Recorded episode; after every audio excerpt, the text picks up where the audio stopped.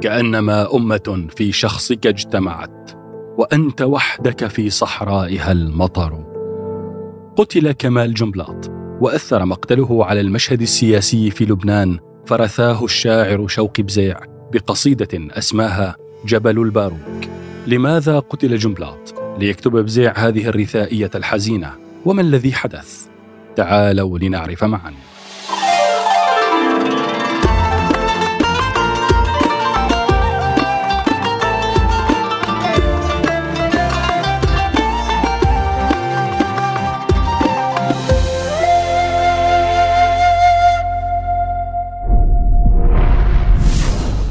ولد رجل السياسة كمال فؤاد جنبلاط في السادس من ديسمبر كانون الأول عام 1917 في بلدة المختارة في قضاء الشوف لعائلة درزية.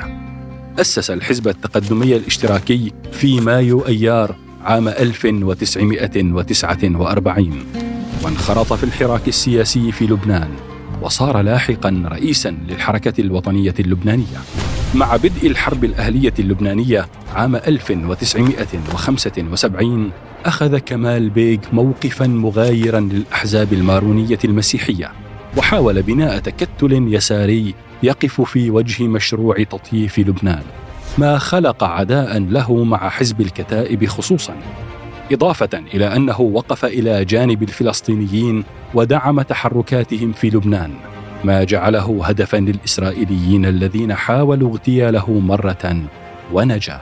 في السادس عشر من آذار مارس عام 1977 وبحدود الساعة الثالثة عصرا غادر كمال بيك في سيارته مع مرافقته القصر القرميدي في بلدته المختارة باتجاه بيروت.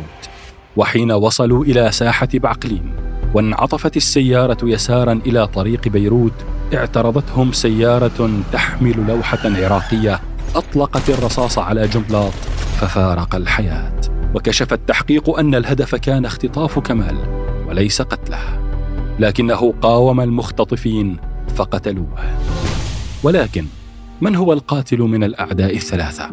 الأحزاب المارونية أم الاحتلال الإسرائيلي أم نظام حافظ الأسد؟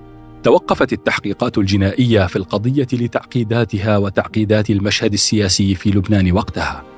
كما أن القاضي حسن القواص الذي تسلم القضية تلقى تهديدات بالقتل هو وعائلته واخترقت في أحد الأيام رصاصة غرفة نومه. لكن التحقيقات فتحت من جديد وتوصلت إلى أن المسلحين بعد أن أطلقوا النار على جنبلاط غادروا المكان من فورهم. لكن القدر كان له دوره. فقد تعطلت السيارة معهم بمكان ليس بعيدا فتركوها وفروا هاربين. وبعد تتبع شهادات لأشخاص رأوهم قالوا أنهم صادروا السيارة من مواطن لبناني. وتوجهوا إلى مركز للمخابرات السورية كان يديره النقيب إبراهيم الحويجي الذي ترفع لاحقا إلى لواء وتسلم إدارة المخابرات الجوية. وأما السيارة فقد تم شحنها من نيويورك إلى مرفأ بيروت. وضبطت الجمارك اللبنانيه صاحبها بتهمة تهريب المخدرات. وذكرت تقاريرها أن قوات الردع السورية استلمت السيارة والمتهم. أما اللوحة العراقية على السيارة فقد روى صاحبها أنها تمت سرقتها من سيارته عندما كان في دمشق. وبهذا تصل خيوط التحقيقات إلى أن نظام حافظ الأسد هو المسؤول عن مقتل جنبلاط كان اغتيال كمال جنبلاط هو بوابة الاغتيالات التي شهدها لبنان على مدى أكثر من خمسة عشر عاما. واهتز جبل الباروك ولبنان بأسره لمقتل شخصية وطنية ذات نفوذ وعلاقات واسعة كان يمكن أن تساهم في تغيير واقع بائس عانى منه لبنان طويلا. كتب شوقي بزيع في رثاء كمال بيك قصيدة جبل الباروك التي قال فيها أي القصائد هذا اليوم أدخر؟ امت حقا اذا فالقلب ينحسر. لا قلب يخفق بعد الآن لا رجل من جرحه ذكريات النار تنهمر. عرائس الكلمات دخلن في جسدي. واحلمنا كل طريق دونه وعر واكتبنا. كان أمير النار ثم هوى. فراح كالجمر في الأسحار ينفجر. وقال ليست نجوم الأرض غير دم. إذا حجبناه لن يبقى لها أثر. كأنما جبل الباروك أذهله. أن تنحني فمشى في يومك الشجر. والأرز أفلت من حراسه ومشى. وفي ثناياه من جرح الردى خدر كأنما أمة في شخصك اجتمعت وأنت وحدك في صحرائها المطر. أظنها طلقات الغدر حين هوت تكاد لو أبصرت عينيك تعتذر. قتلت لا لم تمت لكنهم كذبا. توهموا وأمات الغدر من غدروا. هذا علي يصلي فوق مسجده فيا ابن ملجم اضرب إنه قدر وأغمد السيف حتى العمق في جسدي. هذا هلال جياع الأرض لو نظروا أرض الخسارة يا لبنان هل رجل يعيد للناس بعد اليوم ما خسروا مضى يعلمنا كيف الشعوب ترى الدنيا. وكيف طريق النصر يختصر؟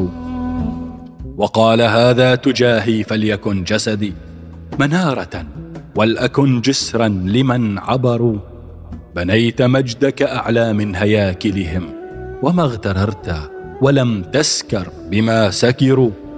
وقد تعددت حتى لم تعد جسدا. بل شبهة تترامى حولها الفكر. وأنت ترمق جلاديك مرتفعا فوق المنايا وتعلوهم وقد صغروا كأن برق السلالات التي انصرمت يضيء وجهك لمحا ثم يندثر هناك حيث اليقين الصرف يبلغه الموحدون فلا شك ولا حذر والموت يدنو ويخبو مثل سنبلة. بشالها دمك القمحي يأتزر. حتى إذا غاض في عينيك مخلبه راحت سماء من الأحزان تنفطر. تضيء روحك مرآتان واحدة تنأى. وأخرى هي الأشكال والصور. من آزروك أرادوا أن تعلمهم. بعض الذي فيك من عزم إذا عثروا. من خاصموك أرادوا أن تكون لهم ندا ففي شخصك الأخصام قد كبروا وأنت كالنهر في الحالين تجمعهم من حول مجراك أو كالظن تستتر غدا تجيء إذا ما جئت عاصفة من الجماهير لا تبقي ولا تذر كأنني ألمح الأجيال هادرة وأنت فيها ولو لم يسعف العمر طال ارتحالك ما عودتنا سفرا. أبا المساكين فارجع نحن ننتظر.